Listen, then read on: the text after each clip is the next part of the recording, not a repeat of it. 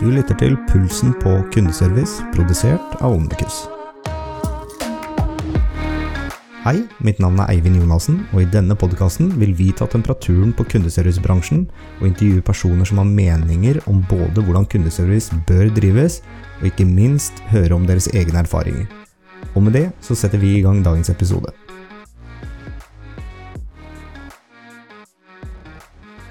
Dagens gjest er Marius Wodrup, og frem til oktober i år ledet han kundesenteret til Falk, hvor han hadde ansvar for 110 agenter på kundesenteret og en omsetning på 440 millioner kroner. Velkommen, Marius. Tusen takk, Eivind, og takk for at jeg får lov til å være med. Bare hyggelig. Du, Marius, kundesenteret til Falk de fikk en score på 88,5 av 100 poeng i kundeserviceprisen for 2020. Og med det så knuste dere snittet for deres bransje, som var på 63,7 poeng. Men det som kanskje også er enda litt mer interessant, er at gjennomsnittet for alle bransjene er på stusslig 66,7 av 100 poeng. Så det jeg har gjort, er jo da å grave litt i historikken til Falk når det kommer til kundeserviceprisen. Fordi jeg var nysgjerrig på hvor stor påvirkning er det du har hatt etter du kom inn som leder. Så det jeg ser, er at fra årene før du kom inn, så har du klart å heve eh, denne scoren med nesten ti poeng i forhold til hva dere har fått tidligere. Så med det så tenker jeg vi har satt standarden for eh, dagens podkast. Og mitt første spørsmål som er hvordan er det dere bygger et kundesenter som leverer helt i toppsjiktet? Det er komplisert og godt spørsmål, Eivind. Eh, jeg tror ikke jeg alene har klart å snu kundesenteret til Falk. Jeg har vært med å påvirke. Eh, og det tror jeg kanskje er den viktigste delen eh, for en leder da, i min rolle, som var eh, head-off for assistansesenteret til Falk. Det består jo også av et kundesenter som sitter i Oslo. I mitt assistansesenter var i Larvik. Så det er en todelt effort med at vi satt på førstelinje hos meg. Og grunnen til at vi klarte å levere god førstelinjeservice, er nok troen på kompetansen som vi innehar i selskapet. Og det betyr jo å tro på de ansatte og ha tilliten til beslutninger som blir tatt i førstelinje. Eh, for det er faktisk der eh, den grunnleggende kompetansen for hva kundene trenger, sitter. Det er ikke jeg som kan det. Og Hva legger du i tilliten til de som er på førstelinje? Tilliten den går jo på å tro på at de har noe å levere. da at de ønsker å levere, eh, og at de klarer å levere. Eh, min jobb er jo ikke å si hva nødvendigvis de skal levere, det er egentlig å legge til rette for å kunne levere det kundene ønsker at vi skal levere. Og det kan jo forandre seg hver gang, som du helt sikkert vet, Eivind. Mm. Og hvordan på en måte En ting er jo tilliten til de ansatte, men når du kommer inn som um, da en ny et nytt, en ny spire inn i kundesenteret til Falk. Hvordan går du da i gang for å se hvor er det du liksom skal trykke på de rette knappene? Hvordan skal du på en måte sette kundesenteret i posisjon til å gjøre en bedre jobb enn hva man har gjort tidligere? Altså, hvor, hvor starter du? Eh, ja, det lurte jeg også på når jeg tok over eh, denne jobben i, i Falk. Uh, utrolig spennende spørsmål. Jeg tror Det er et spørsmål som mange ikke, kanskje ikke tør å svare helt ærlig på. Da. Uh, og jeg skal være ærlig, jeg var ganske usikker og tenkte at uh, wow, hva gjør jeg nå? For jeg kan egentlig ingenting. Kjente ikke til bransjen veldig godt. hadde egentlig ikke fått så mye på en måte kjøtt på beinet da, på hva egentlig man drev med på dette assistanssenteret før jeg tok over. Og det gikk ganske fort før jeg var helt alene i rollen og, og hadde liksom ansvaret for hele kundesenteret. Så min oppgave var egentlig å kartlegge kompetansenivået i selskapet. Eh, og hva er viktig kompetanse å inneha blant de som faktisk sitter og håndterer kundene. Eh, eneste måten å gjøre det på er å snakke med de ansatte eh, daglig, hele tiden. Snakke med mellomlederne daglig, hele tiden. Ha dype, gode samtaler og finne ut på en måte hvor, hvor trykker skoen. Eh, hvor føler man at man er gode? og spesielt så er det jo én ting å bite seg merke i. Det er å høre etter når man sier at det er sånn vi alltid har gjort det. Eh, og så er det å spørre hvor, hvordan, hvordan, løser man det? Fordi det, det, det, er jo ting man kan kjenne seg igjen på uavhengig av kundesenter eller ikke. ja, og den kommer jo overalt man er, i hvert fall overalt jeg har vært, så, så kommer den at sånn har vi alltid gjort det. Eh, og det er alltid rom for å diskutere og, og dypdykke litt da, eh, og tenke litt etter. Eh, ja, men hvorfor har man alltid gjort det sånn? Og jeg tror jeg har vært ganske god til å utfordre det gamle og det satte. Det som på en måte alle trodde kanskje definerte kundesenteret på Falk. Um, om at det skulle være sånn og sånn, det skulle være rigid, det var gammeldags KPI-struktur. Man fokuserte kun på antall telefoner, hvor raskt man tok de, hvor raskt man snakket med kundene. Til kanskje å gå mer over til å vise litt mer stolthet i jobben sin, uh, tørre å utfordre kunden også, styre kunden, kanskje til en bedre løsning. Uh, og kanskje lytte litt mer til kundene. Liksom, hva er deres behov, og hva slags muligheter har vi? Eh, og jeg tror kanskje det jeg har turt å gjøre, som mange kanskje ikke tør, det er å si til kundebanen at jeg har troen på deg. Og når vi har mulighet, så skal vi utføre det vi har mulighet til å utføre for kunden. Når vi ikke har mulighet, så skal vi være klin ærlige på det, og så skal vi si hvorfor vi ikke har mulighet, men hva vi har muligheten til samtidig. Og hvorfor kanskje ikke det er så gærent, da. Og er det sånn at du da ikke har vært eller du blir nesten ikke involvert i beslutningene som kundesentermedarbeideren tar, eller? Eh, det er egentlig helt riktig, ja. Ja. Uh, ja. og det er en veldig skummel uh, følelse. På mange måter så, så tenker man fy fader, nå, nå, ryker pengene, for nå kommer det til masse feil. ikke sant? Vi tar dyre beslutninger, for det er jo alltid kjempegøy, tenker man. At en på 22, 24 eller 30 år tenker at nå skal jeg være litt kul for den kunden her, og skal jeg ta en kjempedyr beslutning. Men det viser seg da at de som sitter i førstelinje, de er opptatt av å gjøre en god jobb selv, og de har ofte en formening som er veldig god på hva den jobben bør bestå av for at den skal være godt utført. Har du noen gang bomma, eller? Uh, Hvor du har sagt 'hva er det du har drevet med her'? ja, for så vidt. Ja, men det har kanskje vært mer pga. enten utydelig kommunikasjon eh, fra meg, eller at man har hatt eh, kanskje dårlige retningslinjer, dårlige instrukser fra partnerne. Så det har vært litt sånn gråsoner. Hva, hva, skal vi egentlig gjøre? Her er en loss-situasjon, her må vi bare ta en beslutning. Og det er det kanskje eh, som jeg har vunnet på, og som Falk har vunnet på, er kanskje at jeg har tort og sagt at det er bedre å ta en beslutning enn å ikke ta en beslutning. Mm. Um, og ja, det kan koste 5000 eller 10 000 kroner av og til fordi man bommer. Uh, og kundebehandleren vil alltid synes at det er kjempeleit hvis man kommer og sier at hei, uh, f.eks. deg, Eivind. Eivind, her tok du en beslutning, det kosta oss 5000 kroner, så det var en feil beslutning. Um, så er det dumt å kanskje si det på den måten, men heller si at du, den beslutningen du tok, den er veldig glad for at du tok. Ehm, for det ble tatt en beslutning. Ehm, jeg ser det her at du hadde ikke så mange andre alternativer. Men du skal bare vite at når vi tar sånne beslutninger, så må vi være helt bevisste på at det koster oss penger. Og når man klarer å lære opp kundebaner dette, så tar det ikke så lang tid faktisk før de begynner å finne kreative løsninger. Kanskje gjøre noe helt annet som ikke står i boka engang, som er kjempesmart, og som kanskje da blir den nye normen for hvordan man løser en case.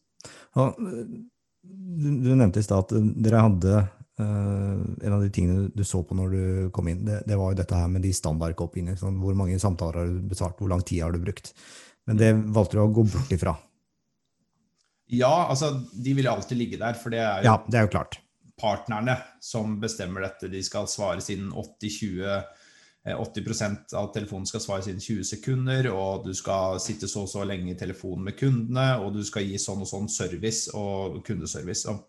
Det er alltid vanskelig å harde kopier, eh, og ofte så er det sånn når en, en, partner outsourcer sine avtaler til en leverandør, sånn som Falk, da, eh, enten om det er veihjelpstjenester eller forsikringstjenester eller hva det enn nå skal være, så er det jo den kanskje det negative da, med å være en outsourcing partner, da, hvor, du, hvor, du, faktisk får disse fine avtalene, er at du blir pekt på hvis du gjør feil. Mm. Eh, for da har du en partner som kan si at ja, men vi betaler 200 000 til dere, eh, eller 500 000 eller million kroner i året for å håndtere dette. Dere gjør feil, vær så god, det er deres bord, og det er dere som har problemet. Eh, det å gå inn i dialog, få til samarbeid, hva er det vi kan levere, og være klare på det, hva er det partneren ønsker at vi leverer, det er jo ofte grunnlaget for å sette riktige kopier. Eh, og den riktige kopien er alltid hvor fornøyd er kunden. Mm. Men det skal aldri ses eh, uten sammenheng eh, i forhold til kostnaden for å levere den servicen. For er det ikke butikk i det, så er det selvfølgelig ikke noe man skal kanskje etterstrebe å levere eh, Kanskje overlevere kundeservicen hele tiden, for det skal man jo være litt forsiktig med. for Man kan jo sitte og preike skit i 30 minutter med en kunde, og så, og så var det 500 kroner inn på bordet, så sier det seg sjøl at det er ikke mye butikk i det. Ehm, men eh, så lenge systemene er på plass, og det vet jo du også, Eivind, du som jobber med systemer og integrasjoner og effektiviseringer, at, eh, og, og, er god på det, eh, at så lenge de er på plass i bunnen, og det er ganske lett å få dem på plass. Du trenger Skype, du trenger telefon, du trenger PC, så har du egentlig mye av det på plass. ikke sant? Og CRM-system, så er det egentlig tut og kjør. Så, så, handler det egentlig om å finne hvordan man bruker systemene på, og hvordan man kan eh, på en måte begrense systemene. da. Mm. I forhold til kundebehandlingen. At eh, ok, får jeg en sånn henvendelse, så trykker jeg her, og da er det disse alternativene jeg får. Får jeg denne henvendelsen, så er det ikke så stor risiko for noe at noe kan gå gærent, så da kan jeg egentlig gjøre hva jeg vil. Mm. Klarer man å legge opp den eh, ballen til kundebehandlerne som en fleksibilitet, så er ikke kopien så veldig vanskelig, fordi du vil eh, I et profesjonelt kundesenter så tror jeg på at man har en struktur. Man har gjerne en teamleder, man har en, eh, eh noen som er litt mer eksperter enn de andre. Og så setter man opp kundesenteret i forskjellige ledd, sånn at riktig person med riktig kompetanse får de riktige samtalene. Så handler det egentlig om å se på ledighet. Altså hvor mye sitter du ledig? Hvor mye sitter du og gjør ingenting? Mm. Eh, det som er bransjestandarden i dag, sånn som jeg opplever det, er egentlig at man ser på hvor mange telefoner har du tatt, og hvor lenge har du sittet i telefon. Og så glemmer man etterbehandling. Man glemmer systemene som tuller med deg, som gjør at ting tar lengre tid. Man glemmer eh, de quirky tingene i systemet som har ligget der i ti år, som gjør at eh, den nye integrasjonen med det nye systemet, nye kundeavtalen som er verdt mye for selskapet, eh, gjør at ting tar kanskje to minutter lenger. Mm. Og når man da begynner å se på kopiene, da, så lenge de er strenge, og du skal ta fort uh, ny telefon, du skal være rask på kundebehandling ikke sant, hele tiden, så glemmer du kanskje det faktum at det er to minutter her som ødelegger litt for kundebehandleren. Så forutsetningen ligger ikke til rette. Da er det å være åpen og ærlig på det. Og da er kanskje KPI-en du burde ha på, på kundebehandleren, da, er hvor mange av denne type henvendelser kundebehandleren har tatt. Mm. Hvis du skjønner hva jeg mener? Hvis det er en viktig avtale, ikke sant? kanskje ikke man skal se på hvor fort du tar telefonen, eller uh, hvor mange av de du har, men, uh, men uh, sånn totalt sett, kanskje man skal gå inn på hver enkelt avtale og se på hvor mange telefoner du har tatt av denne, eieren. for den er en, det er en god butikk. Har du ti av den, så har du tjent masse penger til selskapet. Ja, fordi det er også litt, litt interessant. Du sier du har tjent masse penger. Ja. Veldig mange ser på kundeservice som en utgiftspost, og ikke en, en, en inntjening eller en salgskanal. Men ja. der har dere ganske, vært ganske tydelige, har jeg forstått. Ja, eh, absolutt. Altså, nå, Falk lever jo av kundeservice. At man lever, eh, leverer jo hjelp, veiassistanse eller forsikringshjelp, eh, til kundene. Eh, så man lever jo av å hjelpe kunder. Eh, det er der man tjener penger. Så det er på en måte en utrolig givende ting å jobbe med da, når man jobber i Falk, er jo faktisk det at man hjelper kunder å få betalt for det. Det er ikke alle steder man gjør det. Men det å investere i god kundeservice da, kunderådgivning, det er, eh, det er, utrolig viktig.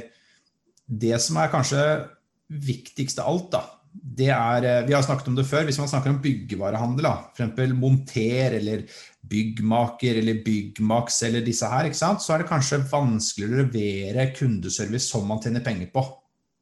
Hvis du skjønner hva jeg mener? Ja, det kanskje... kan, kan, argumenteres, men eh, ja, jeg skal, jeg skal følge deg litt med, med på den. ja, det kan, det kan, være vanskelig. Og, og, grunnen er kanskje det at eh, man vil ha kunden inn i en butikk, f.eks. Mm. Det var bare et sett eksempel. Eller, eller en malerbutikk da, vil kanskje ikke drive den kundeservicen best på telefonen, og vil kanskje heller ha kunden inn i butikk.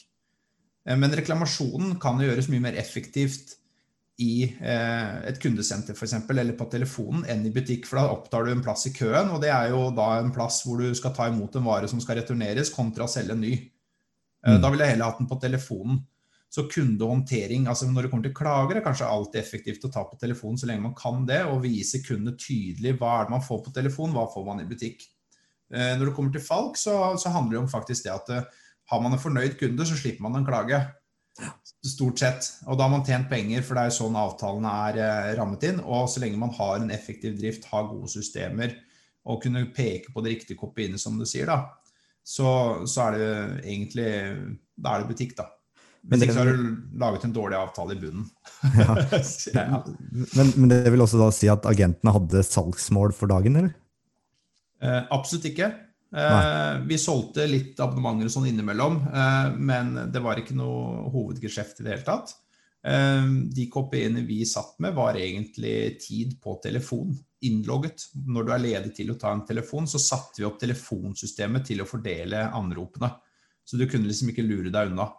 Nei, Så du, du ble målt på da produktivitetstid i telefonen, på en måte? Ja, Ja. det er det. ja. Og så Partnerne våre krevde jo denne 80-20-regelen, da, eh, og den er knallhard. Den er dyr å bemanne opp for, og det er derfor de outsourcer. Fordi eh, de tror at det er billigere for andre eh, å levere 80-20. Eh, det er det ikke. Det er like dyrt for alle, for du trenger like mange folk, og du trenger en ca. 60% ledig kapasitet til enhver tid for å håndheve 80-20 gjennom hele året. ikke sant? Det er dyrt. Fytti rakkeren. Ja, det er Så hadde du sagt at uh, vi kan svare telefonen innen 40 sekunder, men vi skal gi så god kundeservice hver gang isteden. Så hadde det vært mye billigere, og kunden hadde antagelig blitt mye mer fornøyd. Og det hadde ikke spilt noen rolle for kunden om den hadde stått 20 sekunder og venta eller 40 sekunder, så lenge hjelpen er den beste den kan få uansett. ikke sant? Absolutt. Um, så det er det vi utfordrer noen av partnerne våre på. Vanskelig samtale, det. Uh, for det er en bransjenorm, og sånn har det alltid vært. Sånn er det enda. Eh, men det å kunne heller kanskje gå inn og si det at ja, men kjære kunde, f.eks. deg, Eivind, kunne jeg sagt til deg at men Eivind, jeg ser jo det produktet du, du leverer til kundene dine, og de telefonene vi får i etterkant at du har solgt den til kunden, eller at kunden tar kontakt med deg, så kommer de jo til oss. Hvis vi gjør det på denne måten, hvis vi sier dette, hvis vi styrer kunden inn på dette og finner denne løsningen Kanskje det er en litt bedre løsning enn kunden egentlig tenker seg selv, da. Eller har opplevd å få før. Så går det raskere for oss, for vi tar kontroll på samtalen. Um, og da kan vi jo se bort ifra de 20 sekunderne. Om vi tar det 20 sekunder eller 30 sekunder, spiller ingen rolle så lenge det ikke er et minutt eller to minutter. Eller kanskje man skal være så tøff og si at så lenge kunden er fornøyd, så er alt bra.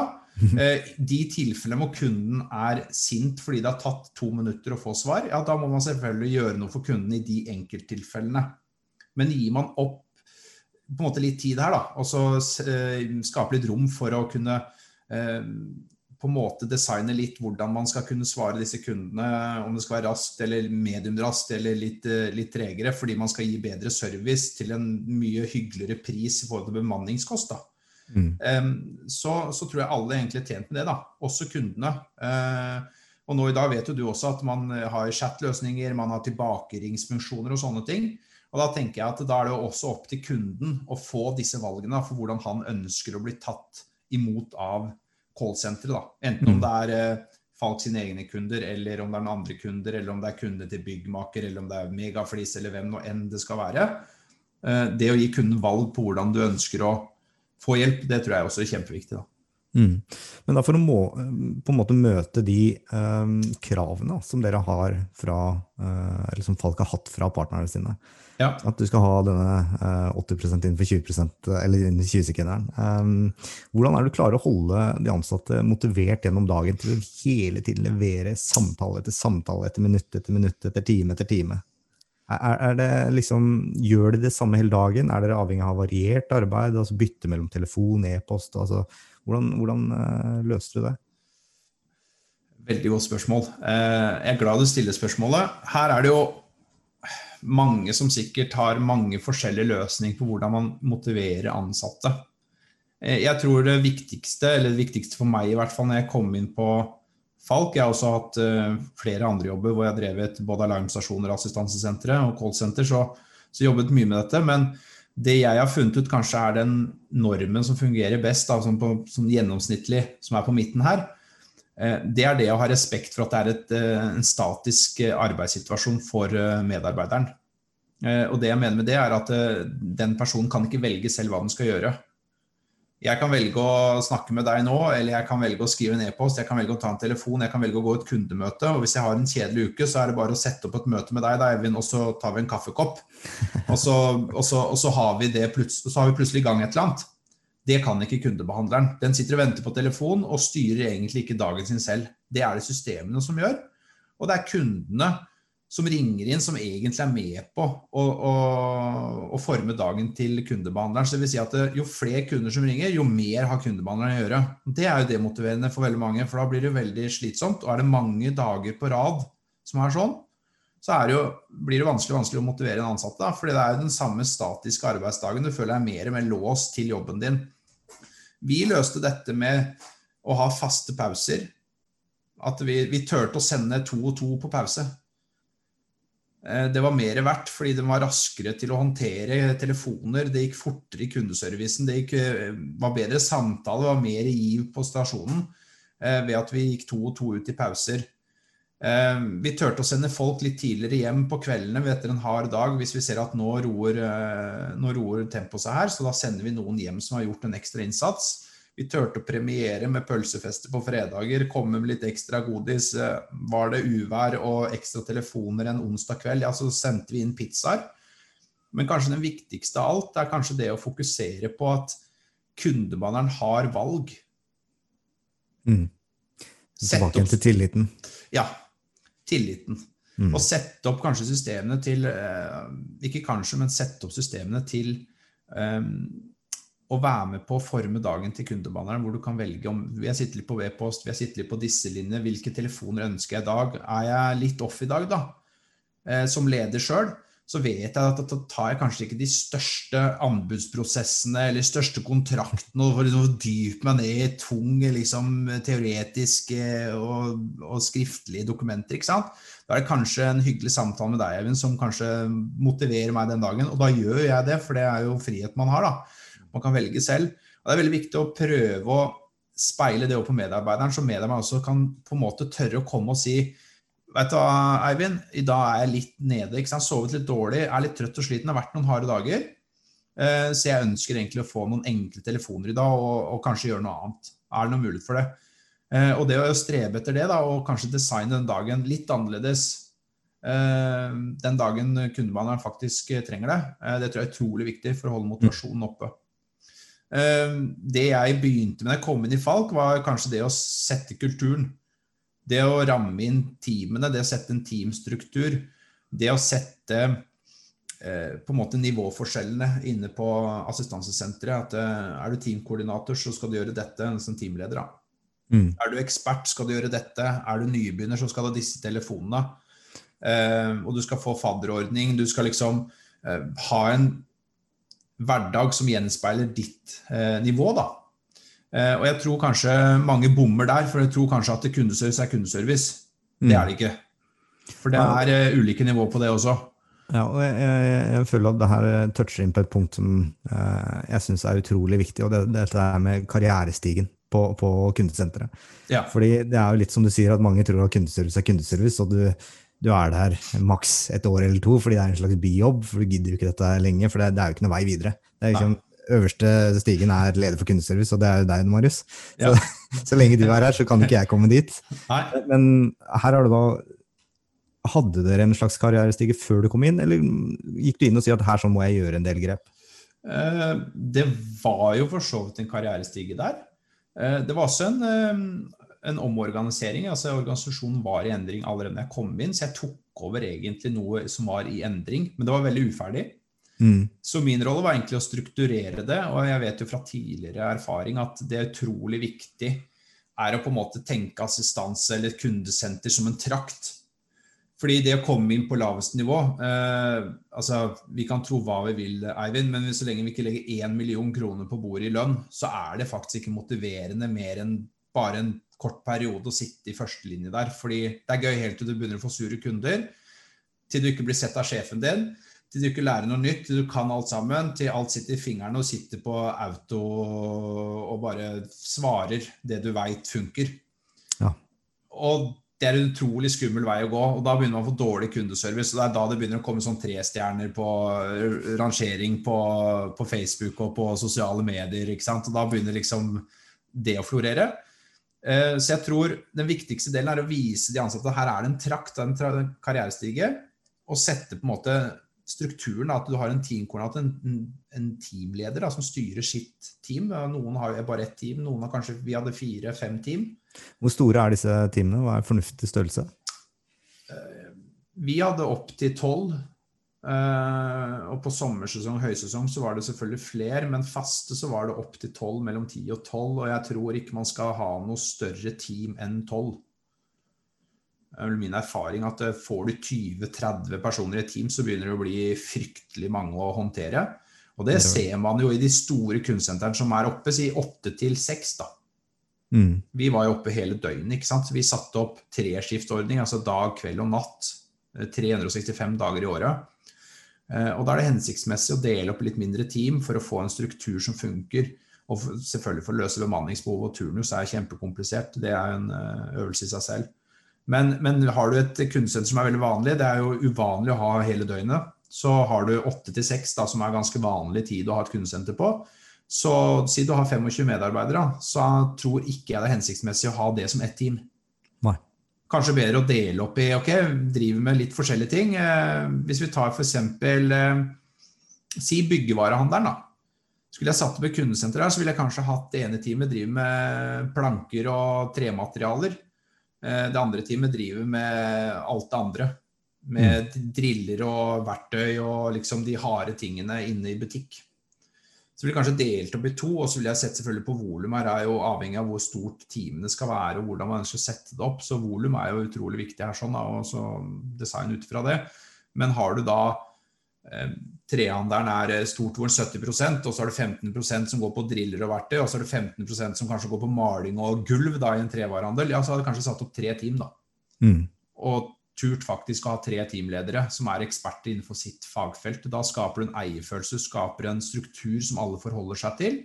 Og du oppnår egentlig flere ting her. Og det ene er at når en kundebane begynner hos deg, så starter du på det teamet du trenger den kundebehandleren. Så det kan Mm. være trelast. da. Du skal jobbe med tre, ikke sant. Trelast. Sitter der og jobber, og så er trelast var ikke så gøy. Eh, Sånn som det var tidligere, hvis du har ett team, da, så er det ikke så mange muligheter, for da får du alt. Så da kan du ikke komme unna trelasten. Og da er vi inne til den statiske arbeidshverdagen. at Da kommer de kundene som lurer på trelast, som du ikke liker å håndtere. Du hater det, ikke sant? Du Mm. bare blir kvalm bare av tanken.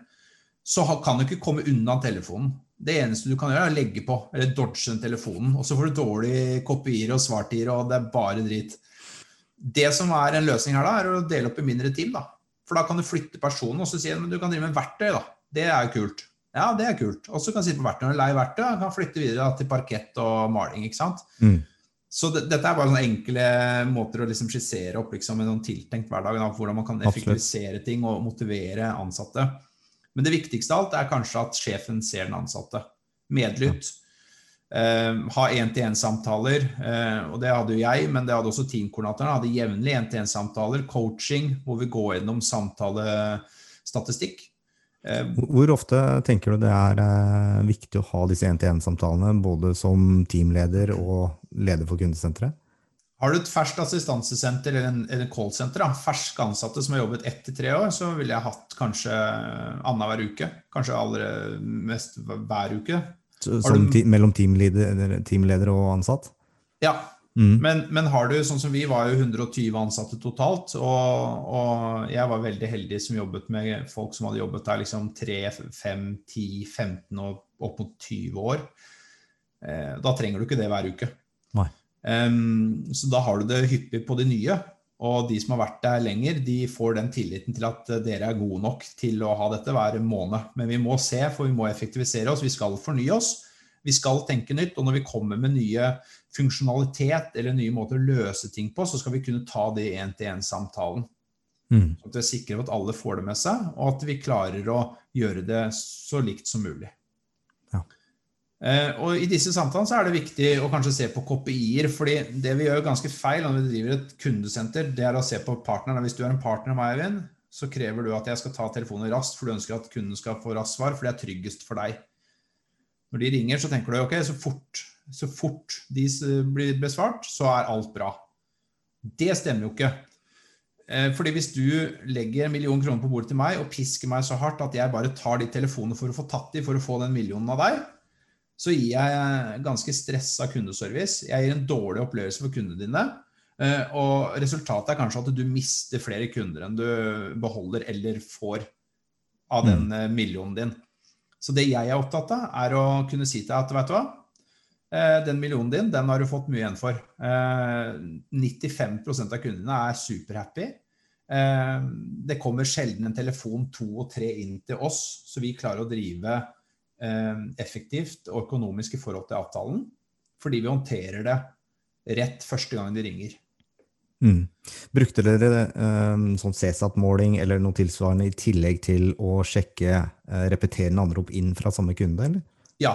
Uh, vi så jo på uh, om kunden hadde trykket på tilbakering, om den ringte inn eh, telefon to og tre for samme nummer, og det så vi jo i de travleste periodene. At når vi ikke klarte å svare Si vi får inn 100 telefoner av gangen her, da. Og så klarer vi ikke å svare 30 av de. Så trykker 10 av de på tilbakering, 20 av dem legger på, og så prøver de å ringe tilbake. Kommer de tilbake bakerst i køen.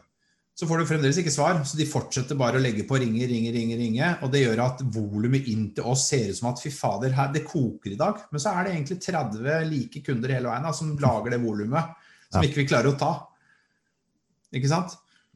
Mm. Eh, og det er et kjempeproblem. Eh, for det der blir bare en dårlig spiral. Så det å kunne håndtere det riktig første gangen, det kunne fange opp uh, kunder riktig første gangen, og det kunne si til deg at ja, men Eivind, du har jo dette som et problem, dette er veldig enkelt å fikse, vi gjør det sånn, og så er vi ferdig.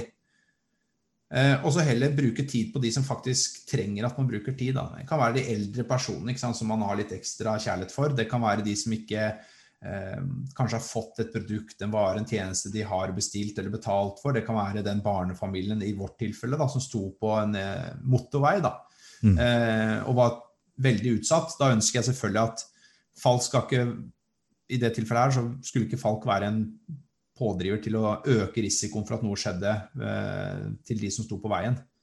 Eh, og det er kanskje viktigere å hjelpe den personen enn deg som sto på en hyttevei eh, i 22 grader og sol ikke sant, eh, oppå Blefjell. Så det er noe med også Og det er tilbake til tilliten. da, Det kunne si til kundemannen at her må dere ta beslutningen. Mm. Ikke sant?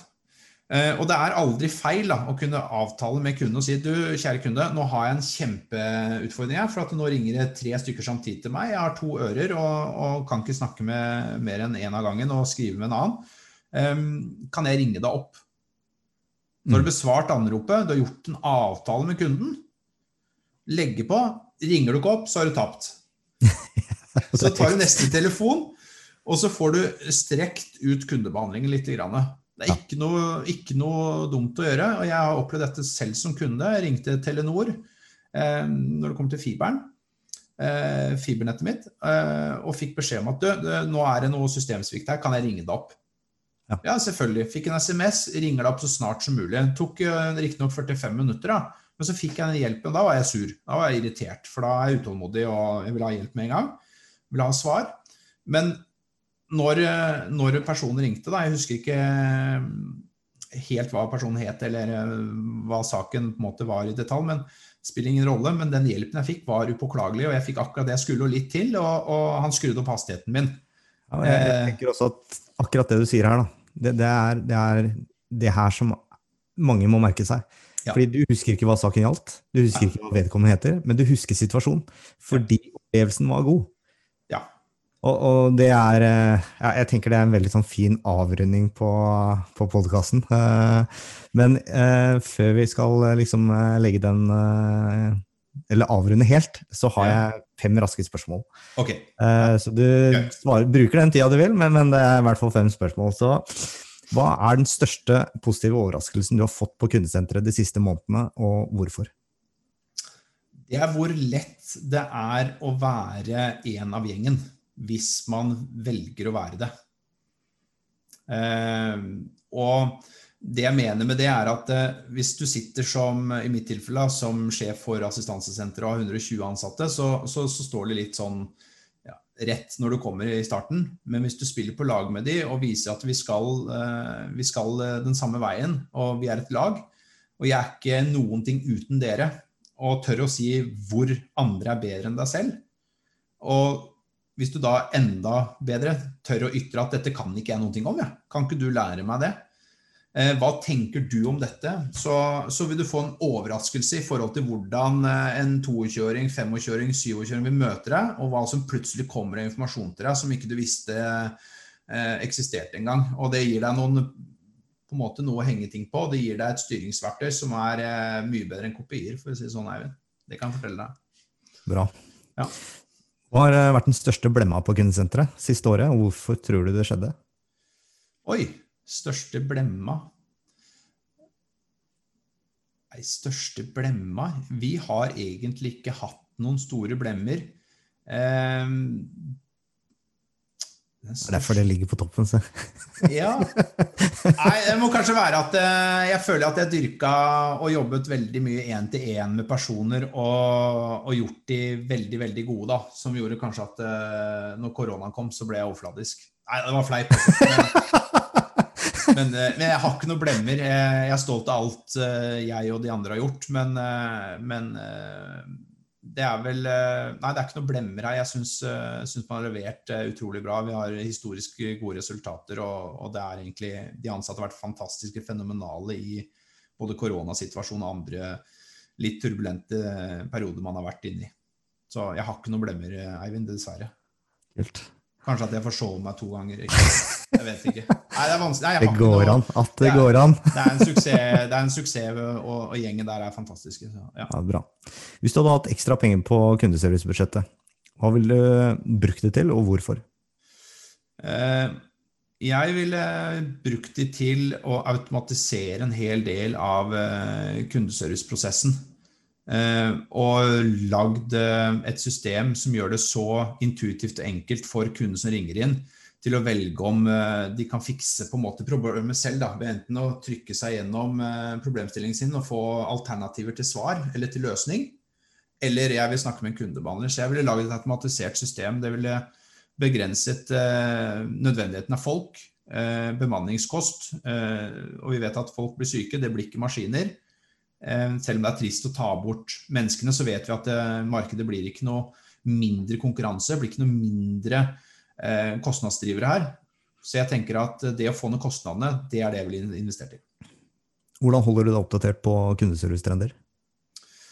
Snakke med deg, blant annet. Takk. Uh, hva er det største området innenfor kundeservice som du er nysgjerrig på, og hvorfor? Hva, altså, hva, hva er liksom noen av de tingene som uh, kanskje før du gikk ut av Falk, hva, hva titta du aller mest på? Det er egentlig Jeg er veldig nysgjerrig på dette med kundelojalitet. og kundetilfredshet. Hva er det kundene mine eller dine hva er det de egentlig trenger? For det tror jeg ikke kundene veit heller. De er bare forbanna, de, eller sure eller lei eller redde, bekymra Eh, vet ikke hvem de skal ringe, så de bare ringer.